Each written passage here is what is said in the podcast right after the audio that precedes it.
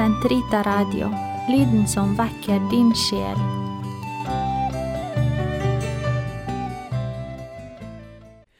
Lovet være Jesus Kristus, og hjertelig velkommen til katekese for konfirmanter og unge voksne. Sist snakket vi om Kirken, hva den er, og hvorfor den er viktig. Kirken er måten Kristi tilgivelse og nåde, fortjent for menneskeheten av ham på korset, formidles til alle mennesker på tvers av tid og rom. Kirken underviser i Kristi lære, styrer hans folk til å holde hans bud, og forvalter nåden til dem så de kan bli frelst. Siden Kirken er et stort mysterium, skal vi fortsette å besvare spørsmål om den i dag. Så Sist gang så leste vi fra Matteusevangeliet. Peter bekjenner at Jesus er Messias, den levende Guds sønn, og Jesus sier til ham, Salig er du, Simon Bar-Jona, for eh, dette er ikke åpenbart av kjøtt og blod, men min, min far i himmelen har åpenbart dette for deg. Og jeg sier til deg, du er Peter. På denne klippet vil jeg bygge min kirke. Han gir ham et nytt navn, Peter, eller Petros fra gresk, og Petros betyr klippe. Så da sier egentlig Jesus, du er klippen, og på denne klippet vil jeg bygge min kirke. Peter kalles opp etter den troen han hadde bekjent på Jesus som Guds enbårne sønn. Den troen var stødig som en klippe, og det var på den troen at kirken ble bygd. Men, men Peter selv eh, blir oppkalt etter den troen, og blir dermed det synlige tegnet på og vokter for dette stødige fundamentet. Og han får himmelrikets nøkler, så han kan veilede kirken i dette mysteriet. Han og hans etterfølgere. Så, etter Jesu lidelse, død og, oppstandelse, blir han med disiplene i 40 dager, før han eh, stiger opp til himmelen for å sitte ved Faderens høyre hånd, og for å sende sin hellige ånd til kirken.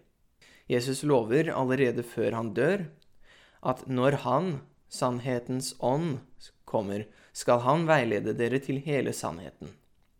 Så, ti dager etter Kristi himmelfart, kom Den hellige ånd over apostlene og gir dem kraft til å gå ut for å forkynne evangeliet, tross mange som forfølger, fengsler, pisker og dreper dem for Kristi skyld.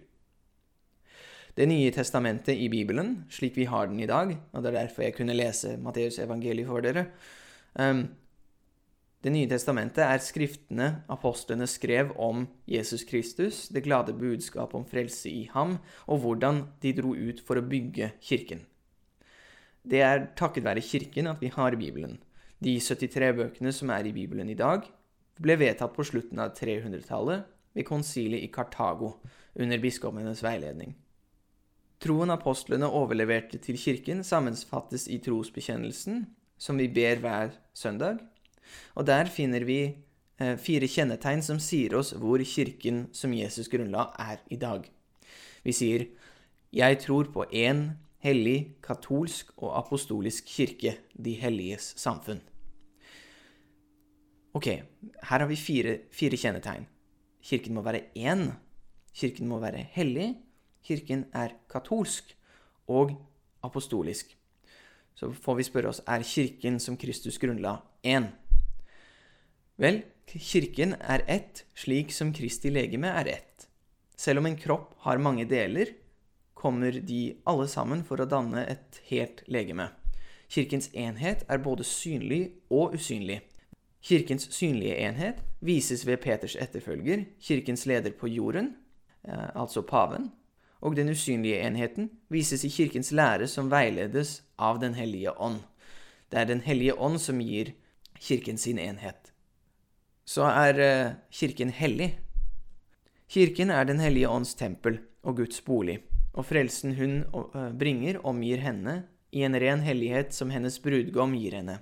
Det betyr ikke at alle Kirkens eh, biskoper, prester eller legfolk er hellige. Tvert imot finnes Den hellige kirke fordi mennesker ikke er hellige av seg selv. Den er hellig fordi Gud er involvert, ikke fordi mennesker er involvert. Så er eh, kirken katolsk. Katolsk betyr allmenn, universell eller fullstendig. Kirken er katolsk på to måter. Kirken er for alle folkeslag, alle mennesker og for all tid. Men den er også katolsk fordi kirkens tro inneholder alt hva Gud har åpenbart for menneskene. Den katolske kirke har en katolsk tro, en fullstendig tro på, på hva Gud har åpenbart, og derfor så skiller den seg fra alle andre kirker, fordi det er, det er den eneste som har fylden av sannheten. Um, er kirken apostolisk? Kristus valgte ut tolv menn til å være hans nærmeste disipler. De kaltes apostler.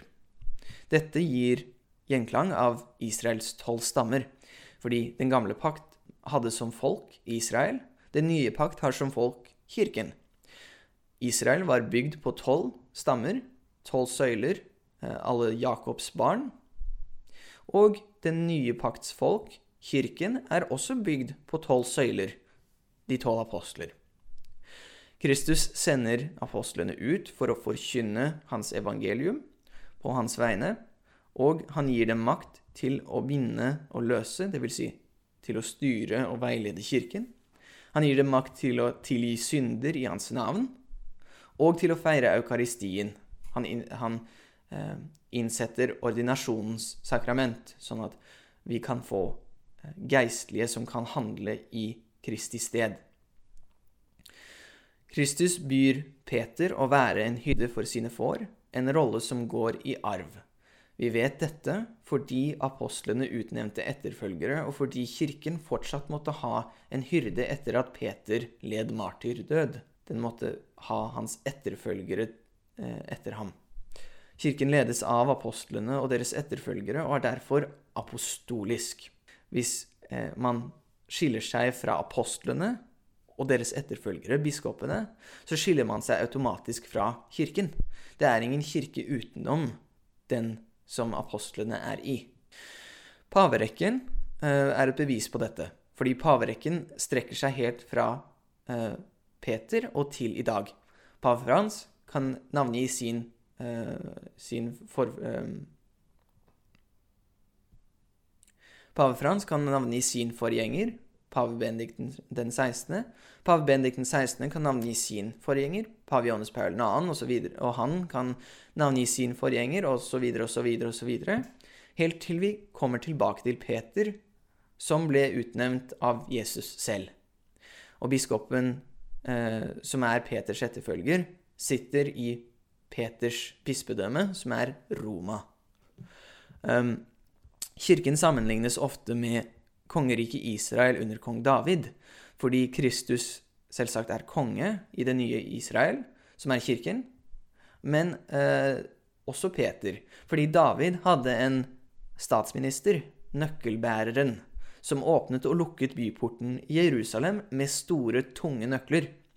Og dette er også Peters rolle i kirken i dag. Han er statsminister som har nøklene til det himmelske Jerusalem, til himlenes porter, han er Kristi stedfortreder og kirkens synlige hode på jorden. Det vil si, når eh, kongen er i himmelen, så er statsministeren han som styrer i hans fravær. Ja, eh, det er kirkens fire kjennetegn. Den er én, hellig, katolsk og apostolisk. Hvis en kirke ikke er alle de fire tingene, så er det ikke kirken Kristus grunnla. Nå over til hvem som er med i kirken, og hvor de er. Kirkens medlemmer er ikke bare de, de som er på jorden, men også de i himmelen og dem som renses i skjærsilden. Alle katolikker på jorden sies å tilhøre den stridende kirke, på latin ecclesia militans, fordi denne som, det er denne som må overvinne synd og stride den gode strid for å nå himmelen. De som dør i Guds nåde, men som har Og nå kommer et vanskelig begrep. De som har usonet timelig straff for synd og den venielle syndens urenhet på sjelen, de må renses i skjærsilden før de slippes inn i paradis. For å forklare det på en enkel måte. Hvis du har knust en fin vase som moren din eier, så må du be henne om unnskyldning. Når du får tilgivelse, er forholdet mellom deg og moren din eh, gjenopprettet. Men du må fremdeles betale for vasen, kanskje med ukepengene dine, eh, eller ved å ta oppvasken eller noe sånt. Og på samme måte, når vi synder, så kan vi få tilgivelse av Gud, at forholdet vårt gjenopprettes. Um, men vi må også uh, prøve å gjenopprette den skaden vi har forårsaket noen mennesker, det er noen mennesker som, som, har syndet, men blitt tilgitt, men som ikke har betalt boten eller gjelden for, for synden, eller ved å gjøre det godt igjen. De må sone eh, den tiden i skjærsilden. Eh, I skjærsilden blir man ren for synd. Man renses for alt som er fallent og skittent. Man renses til og med for ønske om synd og begjær etter, etter noe syndig. Og man blir klar til å komme inn til Gud for å være med ham for alltid. Sjelene her er medlemmer av den lidende eller bøtende kirke, Ecclesia penitens, fordi de bøter for å sone den, eh, den timelige, altså den ikke-uendelige straffen. Velsignede engler og mennesker som ved Guds nåde lever med ham i himmelen, kalles Den seirende kirke, Ecclesia triumfans. Dette er målet for alle i de stridende og lidende kirker, å fullføre løpet og krones med det evige livets seierkrans. Kirkens enhet garanterer enheten mellom kirkesamfunnene på disse tre stedene. Altså, det er en enhet mellom kirken her på jorden, kirken i skjærsilden, og kirken i himmelen, fordi Kristi legeme er ett. Um, derfor uh, kan vi be om helgeners og englers forbønn og være viss om at de hører oss, og vi kan be for de avdøde i skjærsilden. Da må vi si litt om akkurat hva Kirkens oppgave går ut på. Kirken har tre oppgaver. Kirken viderefører Kristi tre embeter som prest, profet og konge. Som profet eller lærer har Kirken i oppgave å holde fast ved og forkynne Herrens åpenbaring. Hun har autoritet til å definere åpenbarte, tros, åpenbarte trossannheter som sanne og nødvendige for tro, dvs. Si dogmer, eh, med ufeilbarlig sikkerhet. Det betyr at dogmene er uten feil. Og det betyr at de troende må føye seg etter hva Kirken tror, for å uh, være, kalle seg troende.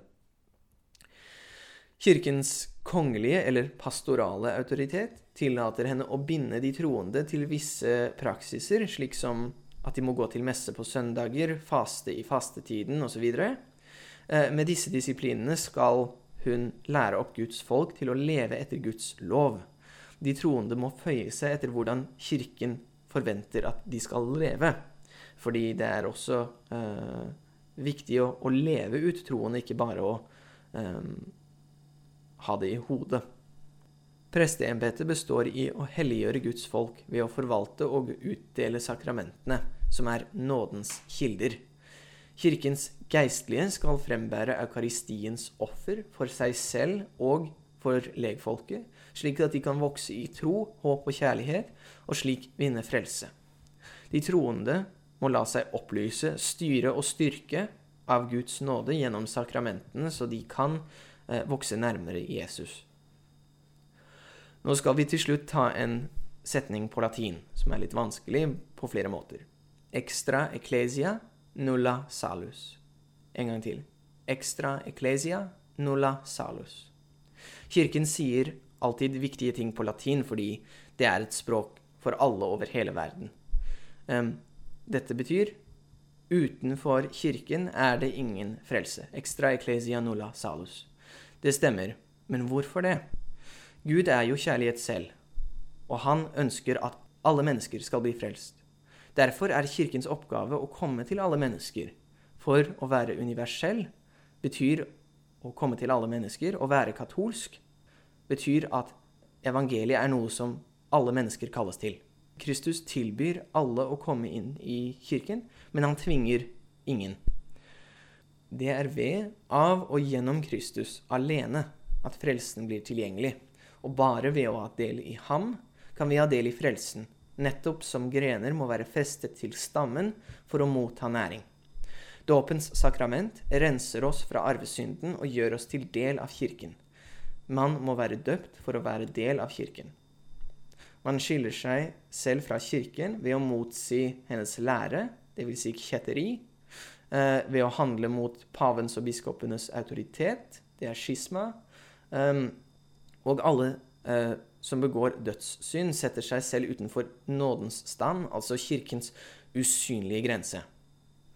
Eh, de som skiller seg fra kirken, har ingen frelse.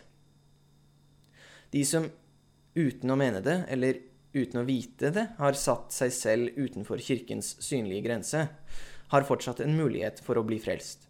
For Gud ønsker at alle skal leve med ham. Eh, men selv om det er et håp, kan ikke Kirken hvile på det alene. Det er livsviktig å spre evangeliet til hele verden, slik at alle får høre om frelsen i Jesus Kristus og får en mulighet til å bli del av hans kirke. Så kan vi spørre oss selv høres det urimelig ut. Er, er det urimelig, et urimelig krav? Høres det vanskelig ut? Hvorfor det? Jo, det er vanskelig. Extra ecclesia nulla salus er vanskelig fordi det krever at vi mennesker forandrer oss, at vi omvender oss, at vi godtar at vi ikke er perfekte mennesker som vi er, at ondskapen vi erfarer, ikke bare kommer utenifra, men innenifra, fra oss selv, eh, at vi er syndere, at denne synden må sones for, at det bare er én person som kan betale gjelden i vårt sted. Og den personen er Jesus selv, og han har bare én kirke, den katolske kirke, som gir oss tilgang til tilgivelsen i ham. Når vi samarbeider med Gud og lar ham forandre hjertene våre og bli, blir ydmyke, da er det å følge ham uansett hvor han er, det eneste og det enkleste vi, vi kan tenke oss å gjøre. Akkurat som de 3000 menneskene som omvendte seg på pinsedag da de hørte evangeliet forkynt med Den hellige ånds kraft, og han vil da føre oss, som dem, til dåpen i Den hellige katolske kirke. Det er altså egentlig ikke vanskelig. Eh, det er bare et spørsmål om vi tar imot Guds frie gave. Og hvis vi tar imot den gaven, viser han oss da Jesus Kristus, han som er veien, sannheten og livet, den eneste veien til Faderen. Hør neste gang for grundig gjennomgang av trosbekjennelsen og Kirken som vår lærer. Tusen takk for at dere lyttet i dag også og han la alt under hans føtter og gjorde ham til hode for hele kirken, som er hans legeme, fylt av ham som fyller alt i alle. I Faderens og Sønnens og Den hellige ånds navn. Amen.